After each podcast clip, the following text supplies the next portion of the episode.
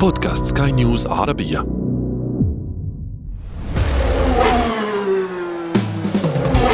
محركات برعاية موتو برو.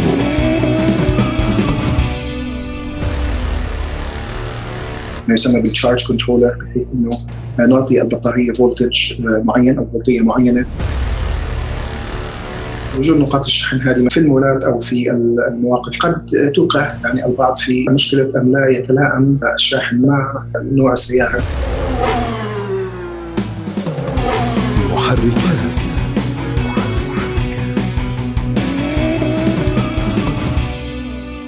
لمن لا يعلم فإن المركبة الكهربائية تتجه لغزو الأسواق لمن لم يتأقلم بعد معها فليستعد لوداع محبوبته محرقة البنزين والديزل ولو بعد حين لأن مستقبل النقل سيكون هادئا بلا هدير طاقته من بطاريات كهربائية. اليوم حديثنا أكثر عن هذه البطاريات ونستمر في الحديث عن النواحي التقنية والفنية منها. أهلا بكم في محركات حيث نسعى دائما لتقوية ثقافة المركبات لديكم. اليوم حديثنا مستمر عن المركبات الكهربائية ومستمرون في الحديث أيضا عن البطاريات وأنواعها وصيانتها فهي في النهاية وقود المستقبل. بدأنا الحلقة الماضية حديثا شيقا مع الدكتور عبد الحي العلمي الأستاذ الجامعي في قسم هندسة الطاقة المتجددة والمستدامة وهندسة الميكانيكا تحدثنا مع الدكتور عبد الحي قليلا عن أنواع محركات المركبات الكهربائية وعن أبرز الاختلافات بينها فيما يتعلق بالأداء وبالسرعة ولم نتطرق إلى الأسعار طبعا لأنها متغيرة حسب الزمان وظروف السوق وأيضا لأنها ليست وفقا لاختصاصه. توقفنا في الحديث عند البطاريات الكهربائية. ولكي نسترجع سلسلة الأفكار معا كان آخر ما سألناه إياه عن الاختلافات بين أنظمة الشحن من مركبة لأخرى خاصة مع تضارب آراء عشاق المركبات. فهناك اختلاف بين مركبة وأخرى في أنظمة الشحن وهذه الاختلافات يمكن أن تصنع فارقا في سرعة الشحن وكذلك في عمر البطارية. الاختلافات التي يتم التسويق لها ربما كانت عامة جدا لكن دعونا نستمع إلى رأي العلم هنا من زاوية هندسية بحتة. بالنسبة لأجهزة شحن السيارات الكهربائية يعني بالطبع الكهرباء الداخلة إلى هذا الشاحن تكون غالبا يعني تيار متردد. فبالتالي لابد لنا أن نضع يعني مجموعة من الأجهزة اللي هي ال power electronics التي تحول ال AC تيار متردد إلى تيار مستمر. وبالطبع لابد لنا أن يكون يعني غير لهذا ال converter لابد أن يكون لدينا ما يسمى بال charge controller بحيث إنه نعطي البطارية voltage معين أو فولتيه معينة وتيار معين وبالطبع يعني يعتمد الكلام هذا على يعني حجم أو سعة البطارية هذه. وكلما زادت كمية اللي هي الفولتية أو الطاقة التي يعني نعطيها يعني بالطبع السعه التخزينية للبطاريه تقاس بال ampere hour فالأمبير هو عبارة عن الشحنات التي يعني تسير في البطارية هذه في كل يعني في كل دقيقة. فطبعا اللي هي شحنة مقسومة على وحدة زمن ومضروبة أيضا في وحدة زمن. فسعه البطارية هذه اللي هي ال amp hour هي عبارة عن يعني سعه تخزينية بوحدة الشحنة اللي هي الكولوم.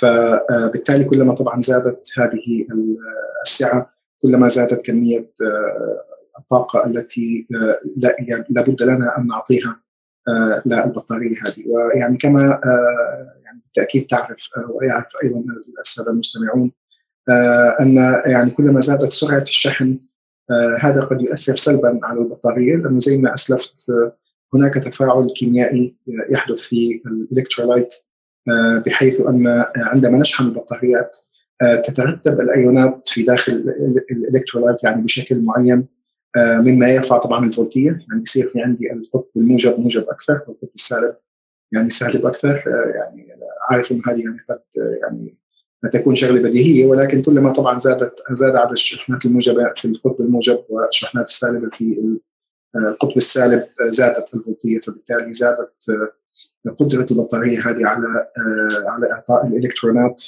للمحرك حيث ليتحرك المحرك.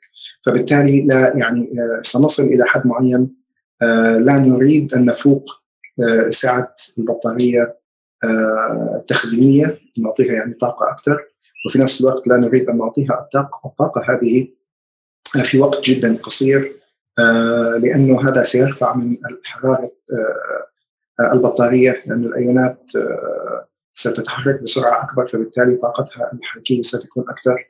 والبطارية عندما تصل إلى حد معين من الحرارة قد تنفجر أو قد يعني يكون هناك محاذير أخرى. فيعني سرعة شحن البطارية هذه تعتمد بالطبع على نوع الشاحن وعلى نوع البطاريات. وهو يعني أيضا option أكيد يعني السادة المستمعين يعرفون ذلك بالنسبة للسيارات الكهربائية. وال option يعني ليس رخيص يعني حوالي مثلا 10000 دولار.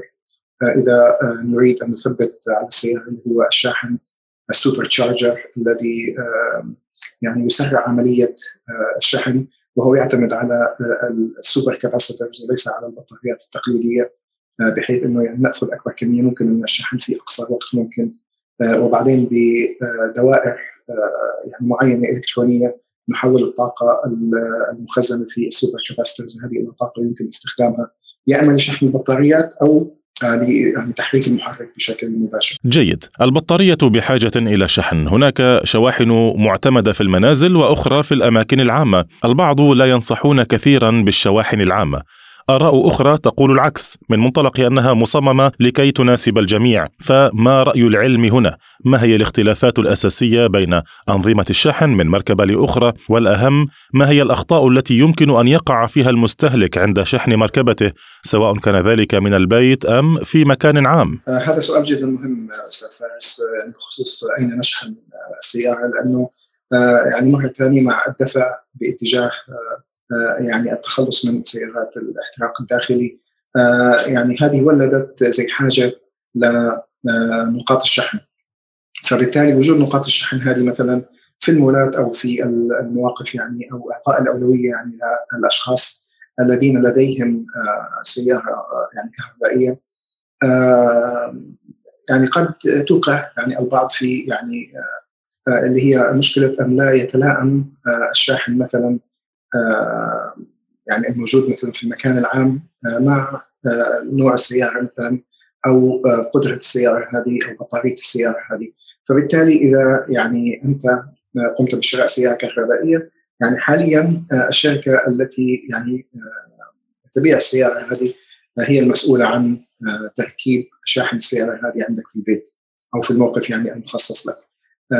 ولكن يعني الأشياء الموجودة في اللي في الأماكن العامة قد لا تتلائم يعني بشكل مباشر لا مع نوع البطارية ولا مع سعتها وإذا كانت السيارة مجهزة مجهزة مثلا بسوبر تشارجر اللي هي للشحن الأسرع قد لا تتوفر هذه الخدمة أيضا يعني في الأماكن العامة أيضا. وهناك طبعا الموضوع الآخر اللي هي يعني الفترة الأقل أو ال minimum يعني period للشحن. صحيح أنه البطاريات الآن يعني ليس لديها ذاكرة لأنه في يعني في القديم كان يعني خاصة في البطاريات اللي هي الاقدم قليلا زي مثلا بطاريات الرصاص يعني لديها ذاكرة معينة فإذا شحناها دائما مثلا على 50% فهي تعتقد أنه ال 50% هذه هي ال 100% طبعا هذه نتيجة مرة ثانية وجود النظام الإلكترو كيميائي ال electrochemical system. فعندي أنا جزء له علاقة بحركة الأيونات وحركة الإلكترونات وهذه الحركة لابد أن تكون بنفس السرعة يعني نفس سرعة الإلكترونات وسرعة اللي هي يعني سباحة الأيونات يعني إذا صح التعبير في ال electrolyte لابد أن تتناسق بحيث إنه يكون في عندي أنا يعني فلو معين بالنسبة للبطارية. ف يعني هذه الأشياء كلها من ضمن الأشياء التي يعني يجب أن يعني نلقيها في في الاعتبار أن تشحن سيارتك مثلا لمدة عشر دقائق يعني هذا لا يقارن بأنك يعني يكون هناك فترة طويلة لشحن السيارة بحيث إنه يعني ما يعني لا تستعجل في استخدام السيارة يعني بعد بعد الشحن أو خلال فترة بسيطة من الشحن أعطيها وقتها لأنه يعني هذه الشغلة قد لا تكون يعني أيضا سهلة إذا كنت أنت في مكان عام وتريد العودة يعني مثلا إلى المنزل أو لديك مشوار آخر. فيعني هذه الشغلتين التي يعني المحاذير التي يعني لابد أن يعني ينتبه لها المستخدمين. جميل. دعونا نعود خطوة واحدة إلى الوراء. ربما من المهم أن نعيد الحديث قليلا عن القطع الاستهلاكية التي تحتاجها المركبة الكهربائية. ففي مركبات الاحتراق الداخلي يعني البنزين والديزل، هذه طبعا كما نعلم تحتاج إلى الزيوت والفلاتر والفرامل وما إلى ذلك من قطع استهلاكية عند الصيانة الدورية. لكن ماذا بالنسبة للمركبة الكهربائية؟ ماذا تحتاج من قطع استهلاكية؟ وهذا أيضا يعني نقطة هامة لمصلحة السيارات الكهربائية. يعني بالنسبة للقطع الاستهلاكية فهي أقل كثيرا آه، من يعني سيارات البنزين مثلا أو سيارات الاحتراق الداخلي يعني بشكل عام. آه، فهناك ال ال يعني القليل من الأشياء التي آه، يعني قد يعني تعطل نتيجة عطل شيء آخر زي مثلا سيارة البنزين. أكيد الجميع يعني يعرف انه إذا في عندي مثلا مشكلة في في في يعني نظام معين في السيارة سيارة البنزين هذا سيؤثر على نظام آخر. آه فبالتالي لتصليح مثلا شغلة بسيطة لابد لنا مثلا أن آه يعني آه نرسل السيارة إلى الميكانيكي. آه ويعني طبعا يعني تتم عملية الإصلاح. يعني التي يعني قد لا نعرف مثلا ما مداها. ويعني أين يمكن أن تنتهي؟ بينما في السيارة الكهربائية فهي عبارة عن يعني مجموعات أساسية تعمل بسهولة شديدة. ويعني بالنسبة للصيانة هي أسهل جدا من سياره البنزين. ولكن طبعا يعني إحدى الأشياء اللي هي التي لا يشعر بها إلا يعني من لديه سيارة كهربائية اللي هي مثلا في مرحلة القيادة آه، اللي هي دعسة البنزين مثلا في السيارة الكهربائية صح التعبير يعني أيضا. آه، لابد لك أن يعني تبقي رجلك على يعني على البدالة. آه، ويعني عندما ترفعها فيعني سيحصل يعني تباطؤ يعني شديد خلينا نسميه مقارنة بسيارات سيارات البنزين. فيعني هذه هي المقارنة الوحيدة يمكن بالنسبة لل اللي هي يعني تجربة القيادة خلينا نقول. لا تؤثر بالطبع هذه على يعني على القطع الاستهلاكية. ولكن يعني مقارنة مع سيارات البنزين هذه إحدى الاشياء يعني الفروقات الكبيره. في الختام ربما يريد الدكتور عبد الحي أن يوجه نصيحة أو اثنتين للمستهلكين عند اقتناء مركبة كهربائية، من الجميل أن نستقي النصيحة من مهندس مختص. قد تكون نصائحه علمية أكثر عن سواها. في النهاية لا نستطيع معاملة المركبة الكهربائية كنظيرتها ذات الاحتراق الداخلي خاصة فيما يتعلق بالبطارية. يعني بالنسبة للنصائح آه، يعني آه، بتهيألي أنها تنطبق على سواء سيارات الكهربائية أو السيارات التقليدية. آه، إذا كان يعني هناك مجال يعني أن السيارة تبقى مثلا بعيدة عن التغيرات الشديدة يعني في المناخ خاصة يعني في منطقتنا في الخليج يعني الحرارة بالطبع عالية والرطوبة عالية وأيضا هناك الكثير من الغبار كل هذه يعني ال العوامل تؤثر يعني بشكل سلبي على يعني أداء السيارة مثلا وعلى النظم أو الأنظمة الموجودة في داخل السيارة. فيعني دائما يستحسن أن تكون السياره يعني لها موقفها الخاص بعيدا عن يعني هذه التغيرات يعني بالطبع المناخية الشديدة. آه، قد يكون التاثير مثلا الغبار آه، يعني من ناحية مثلا اللي هي أنظمة اللي هي الهواء في سيارات البنزين مثلا يكون أكبر آه، من تأثيره على السيارات الكهربائية لأن السيارات الكهربائية لا يوجد لديها يعني نظام مثلا فلاتر هواء أو أشياء زي هيك. ولكن هناك أيضا مثلا اللي هي البيرنجز التي يعني يدور من خلالها المحرك الكهربائي ويتصل مثلا بالعجلات. هذه يعني إذا دخلها الغبار أو مثلا دخل الغبار على آه، اللي هي الموتور مثلا أو على يعني في داخل البطاريات مثلا أو في الإلكترولايت. آه، فهذه الأشياء يعني أيضا لها نفس التاثير تاثيرها السلبي آه، الرطوبة أيضا يعني بالطبع وجود رطوبة عالية في الجو. يقلل من يعني طبعا فعالية البطاريات مثلا خاصة إذا كانت الاقطاب مكشوفة. أو يعني مثلا إذا كان هناك يعني اللي هي الندى الذي يحصل مثلا في فترات يعني الصباح الأولى.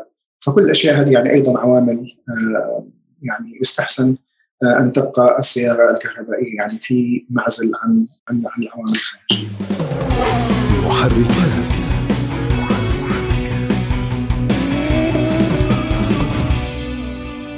بهذا مستمعينا وصلنا إلى ختام هذه الحلقة. نشكر كثيرا الدكتور عبد الحي العلمي على هذه النصائح القيمة. نتمنى أن تكون الصورة قد اتضحت أمامنا في أبرز ما يتعلق بمحركات وبطاريات المركبات الكهربائية. وكما أسلفنا في جميع الأحوال هذه الاختلافات هي التي تصنع الفارق الأساسي في سعر المركبة أكثر حتى من الإضافات التي ترونها داخل المقصورة. نشكر ضيفنا في هذه الحلقة. كان معنا الدكتور عبد الحي العلمي الأستاذ الجامعي في قسم هندسة الطاقة المتجددة والمستدامه وهندسة الميكانيكا. قبل الختام إذا كنتم من عشاق الكرة نذكركم بمتابعة برنامج أثير الكرة حيث تجدون التحليلات الكاملة لجميع الفعاليات الكروية الكبرى. أما في هذه الحلقة فقد صحبتكم فيها إعدادا وتقديما محدثكم أنا أشرف فارس. كان معي في الإخراج الفني إيدي طبيب. نلقاكم في حلقة أخرى من برنامج محركات حيث نسعى دائما لتقوية ثقافة المركبات لديكم. في أمان الله.